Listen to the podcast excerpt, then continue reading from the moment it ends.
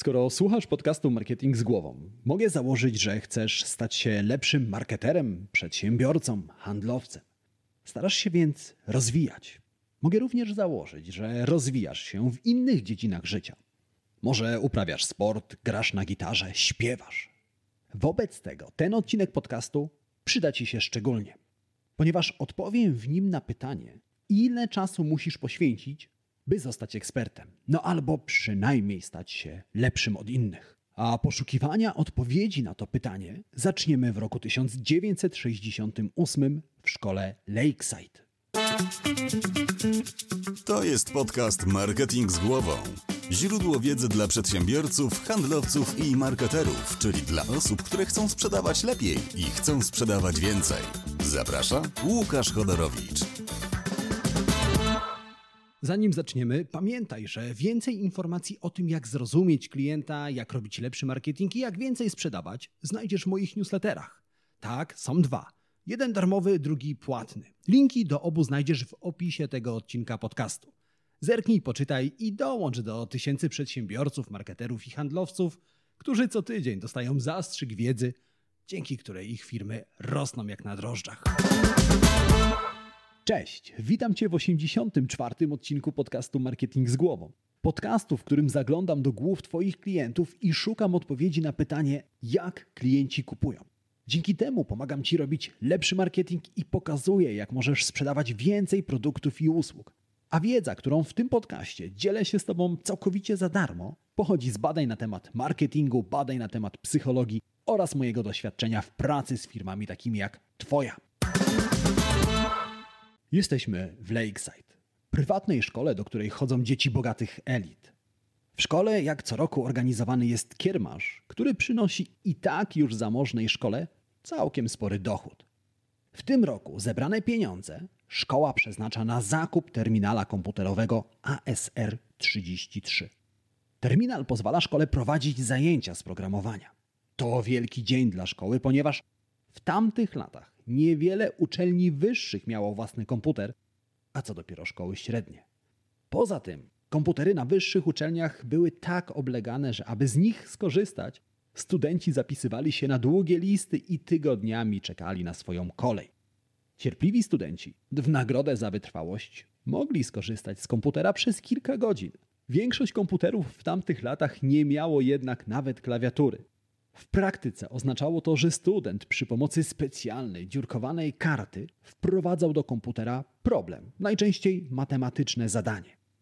Następnie komputer przez kilka godzin liczył i zwracał wynik.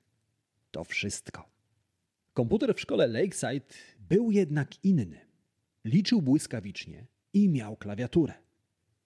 Od tego momentu grupa ośmioklasistów praktycznie przeprowadza się do pracowni komputerowej i całymi dniami, często kosztem pozostałych lekcji, uczy się programowania. Wśród uczniów jest 14-letni Bill, syn bogatego prawnika i biznesmenki. Państwa Gatesów. Po siedmiu miesiącach nauki programowania Bill Gates ma za sobą już 1500 godzin spędzonych w komputerowej pracowni. Tak o sobie z tamtych lat opowiada Bill Gates w jednym z wywiadów. Programowanie stało się moją obsesją. Zacząłem opuszczać zajęcia, a przed komputerem siedziałem nawet w nocy. Programowałem w weekendy, a w każdym tygodniu w pracowni komputerowej starałem się spędzać przynajmniej 30 godzin. Nawet gdy skończył się rok szkolny i zaczęły wakacje, Bill nie opuszczał komputerowej pracowni. Na prośbę rodziców Billa dyrektor umożliwił Billowi korzystanie z komputera nawet latem. Gdy Bill skończył szkołę średnią, nie miał już wstępu do szkolnej pracowni komputerowej. Ale to nie przeszkodziło mu w dalszym programowaniu. Chłopak znalazł komputer na Uniwersytecie Waszyngtońskim, z którego mógł korzystać w nocy. W rezultacie, nim Bill Gates trafił na studia, miał w programowaniu większe doświadczenie niż ktokolwiek inny i miał za sobą dziesiątki tysięcy godzin, które spędził przed komputerem. Taką historię Billa Gatesa poznajemy w książce Malcolma Gladwella Poza schematami sekrety ludzi sukcesu. Gladwell, zdradzając tytułowe sekrety, powołuje się na regułę magicznych 10 tysięcy godzin. Według tej reguły, aby osiągnąć sukces w jakiejkolwiek dziedzinie, potrzeba właśnie 10 tysięcy godzin praktyki i ćwiczeń. Udowadniając, że od mistrzostwa dzieli nas 10 tysięcy godzin, Gladwell opowiada również historię Beatlesów, kultowego brytyjskiego zespołu, który pojawił się znikąd i wspaniałą muzyką podbił serca tysięcy fanów na całym świecie. Tyle, że Beatlesi nie wzięli się znikąd. Zanim stali się autorami największych muzycznych hitów, ćwiczyli. Cztery lata wcześniej, zanim świat padł na kolana przed Beatlesami, czwórka młodych, nikomu nieznanych jeszcze ludzi, każdego wieczoru przez kilka godzin koncertuje w barach. Ale jeszcze wcześniej każdy z członków zespołu The Beatles miał na koncie tysiące godzin lekcji muzyki. Sumując cały ten czas poświęcony na doskonalenie muzycznych umiejętności, wychodzi około 10 tysięcy godzin. Ale Gladwell znajduje tę samą regułę również w biznesie. Gladwell przygląda się najbogatszym ludziom na świecie i przekonuje, że również w biznesie sukces zdobywa się przez doświadczenie i przez co najmniej 10 tysięcy godzin poświęcone na doskonaleniu biznesowych umiejętności. Jako przykład autor daje nam Warrena Buffetta, jednego z najbogatszych ludzi na świecie, który swój majątek zdobył dzięki wyjątkowo trafnym inwestycjom. Niektórzy twierdzą, że Buffett ma nienaturalny, wręcz boski dar do wyszukiwania firm, w które warto zainwestować. Gladwell twierdzi co innego. Uważa, że tysiące godzin, które Buffett poświęcił na analizy rynków, na analizy firm, na inwestycje, pozwoliły mu stać się tym, kim jest dziś ekspertem w kwestii pomnażania pieniędzy. Okazuje się zatem, że wystarczy powtarzać jakąkolwiek czynność wystarczająco długo i często, aby stać się ekspertem i osiągnąć sukces. Naturalnie 10 tysięcy godzin to nie jest jakaś tam bułka z masłem. To naprawdę sporo czasu. Być może nawet pomyślisz, że to czas, którego ty już nie będziesz w stanie poświęcić. No bo szybka kalkulacja. 8 godzin dziennie przez 365 dni w roku daje nam niecałe 3000 godzin. Wobec tego, aby powtarzać coś przez 10 tysięcy godzin, musisz robić to codziennie przez ponad 3 lata. No i zgodzisz się ze mną, że to nie jest zbyt motywujące. No bo aby dojść do sukcesu, musisz poświęcić 4 lata swojego życia. Na szczęście Gladwell zdradza również, że 10 tysięcy godzin jest wartością umowną. I absolutnie nie oznacza to, że gdy odhaczysz 10 tysięcy godzin w kalendarzu, to w tle rozlegną się fanfary, a ty automatycznie staniesz się ekspertem. Dla każdej umiejętności, dla każdej branży istnieje nieco inna liczba godzin, którą musisz poświęcić. By stać się szachowym mistrzem, 10 tysięcy godzin może nie wystarczyć. Ale by stać się kapitalnym fotografem, wystarczy poświęcić 3000 godzin. Poza tym zwróć uwagę, że jeżeli od razu nie staniesz się ekspertem, to z każdą poświęconą godziną stajesz się lepszy niż byłeś godzinę wcześniej. I szybko okaże się, że poświęcając nawet tysiąc godzin, możesz stać się lepszy od innych. Ale czy aby to wszystko prawda? Czy Malcolm Gladwell, pisząc o tym, że wystarczy często powtarzać jakąkolwiek czynność, aby stać się ekspertem, miał rację? Żeby odpowiedzieć na to pytanie, musimy przyjrzeć się pewnemu badaniu, które w 1967 roku przeprowadził psycholog Albert Moherabian. Moherabian badał, jak ważną rolę w komunikacji odgrywa rola ciała. Jest całkiem spore prawdopodobieństwo, że spotkałeś się z wynikami tego badania. Szczególnie jeżeli temat wystąpień publicznych nie jest ci obcy albo po prostu interesujesz się mową ciała. W każdym razie mówi się, że aż 55% informacji odczytujemy z mowy ciała. 38% informacji odczytujemy z tonu głosu, a pozostałe 7% ze słów, które wypowiada rozmówca. Naturalnie być może spotkałeś się z nieco inną interpretacją tych wyników. Czasami mówi się po prostu o tym, że mowa ciała odgrywa w komunikacji większą rolę niż to, co mówimy. Innym razem mówi się, że to, jak mówimy, jest ważniejsze od tego, co mówimy. W każdym razie to przekonanie jest błędne. A błąd wynika z tego, że ludzie źle interpretują wyniki badań Meharabiana. Sam autor tychże badań nieraz w wywiadach prosił, aby nie powtarzać błędnych interpretacji i tego, że mowa ciała jest ważniejsza od samych słów. To, co profesor ustalił podczas eksperymentów, to to, że rzeczywiście odczytujemy 55% informacji z mowy ciała, ale tylko wtedy, gdy rozmówca mówi co innego niż myśli.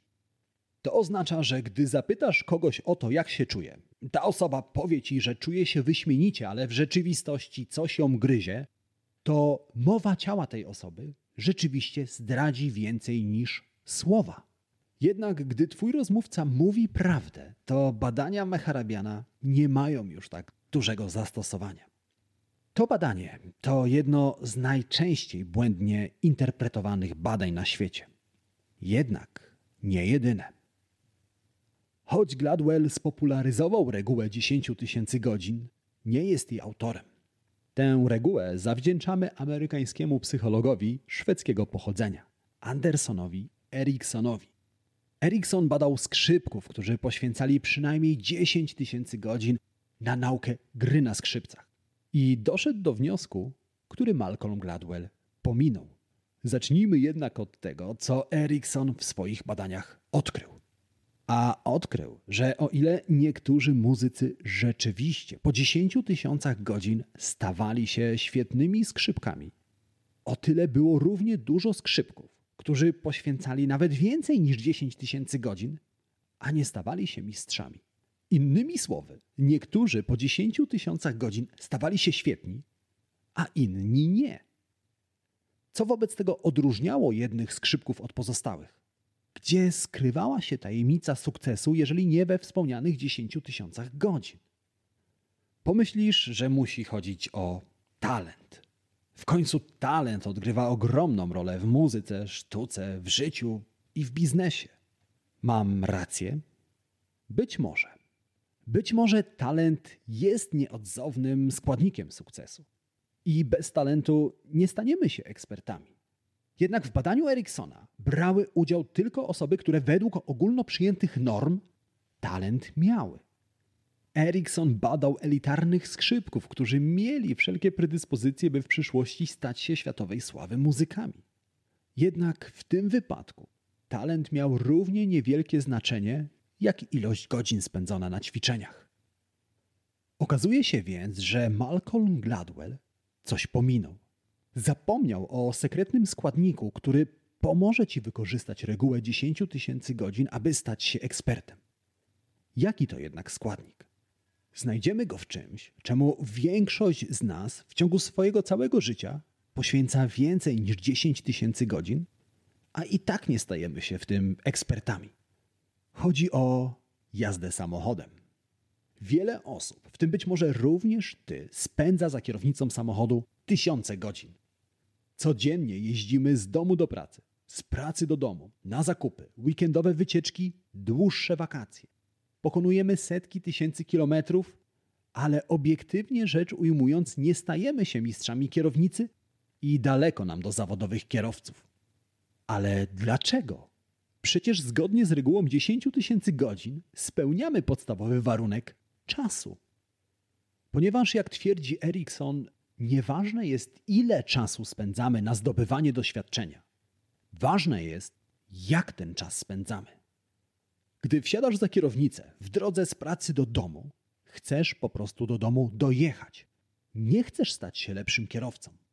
Innym razem, gdy pod centrum handlowym szukasz miejsca do zaparkowania, Twoim celem nie jest poprawienie techniki parkowania równoległego, ale po prostu zaparkowanie samochodu. Gdy ruszasz na zielonym świetle, nie myślisz o tym, by zacząć lepiej ruszać z miejsca. Po prostu chcesz ruszyć. W tych momentach nie starasz się poprawić swoich umiejętności. Po prostu używasz zdobytych wcześniej umiejętności, aby wykonać zadanie. I to jest pierwszy składnik, który musi pojawić się tuż obok wspomnianych 10 tysięcy godzin. Cel. Musisz celowo chcieć poprawić swoje umiejętności. Jeśli zaczynasz coś robić, ale robisz to tak samo jak dotychczas, to działasz automatycznie. Jednak Jeśli przystępujesz do działania z myślą, aby poprawić swoje umiejętności, nadajesz swoim działaniom cel.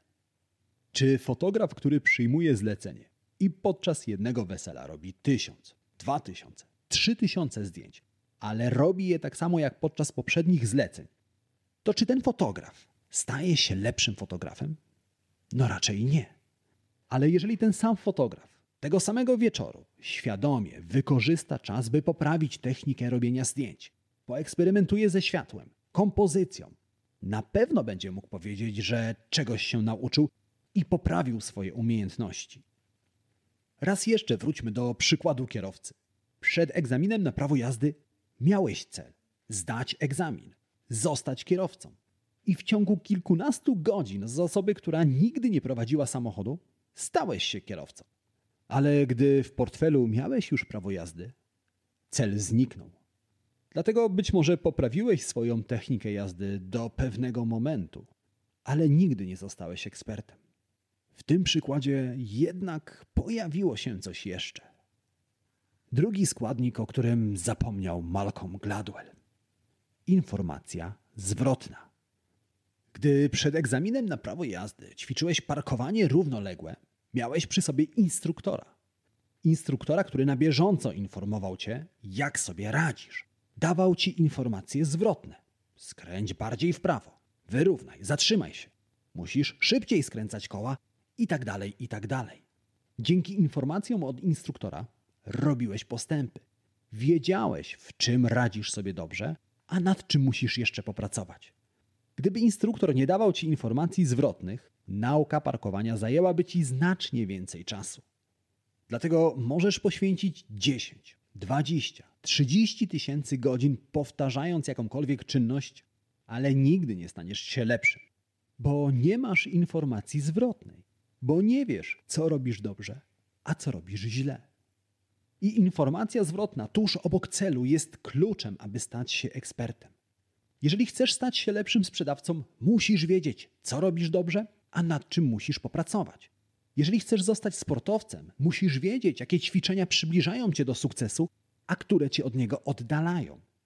Jeśli chcesz zostać lepszym szefem, musisz wiedzieć, które decyzje są słuszne, a które nie. Informacja zwrotna jest ci potrzebna, aby wyciągnąć wnioski, powtarzać i eliminować błędy. A wtedy za każdym razem stajesz się odrobinę lepszym i jesteś coraz bliżej, aby zostać ekspertem.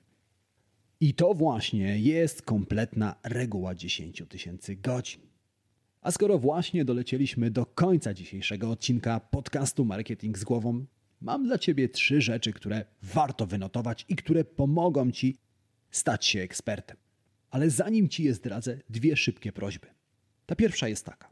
Jeżeli znasz kogoś, kto tak samo jak Ty chce się rozwijać, chce stawać się coraz lepszym, udostępnij tej osobie ten odcinek podcastu. Możesz to zrobić na Messengerze, na Facebooku, w mailu, jakikolwiek sposób będzie świetny. A jeżeli tak się składa, i to jest ta druga prośba, właśnie w tym momencie słuchasz mnie w Spotify albo w Apple Podcast, wystaw recenzję pod podcastem Marketing z głową. Obie te rzeczy zajmą Ci dosłownie chwilę, a dzięki temu wiedza z tego podcastu dotrze do nowych osób, do osób, które jej potrzebują.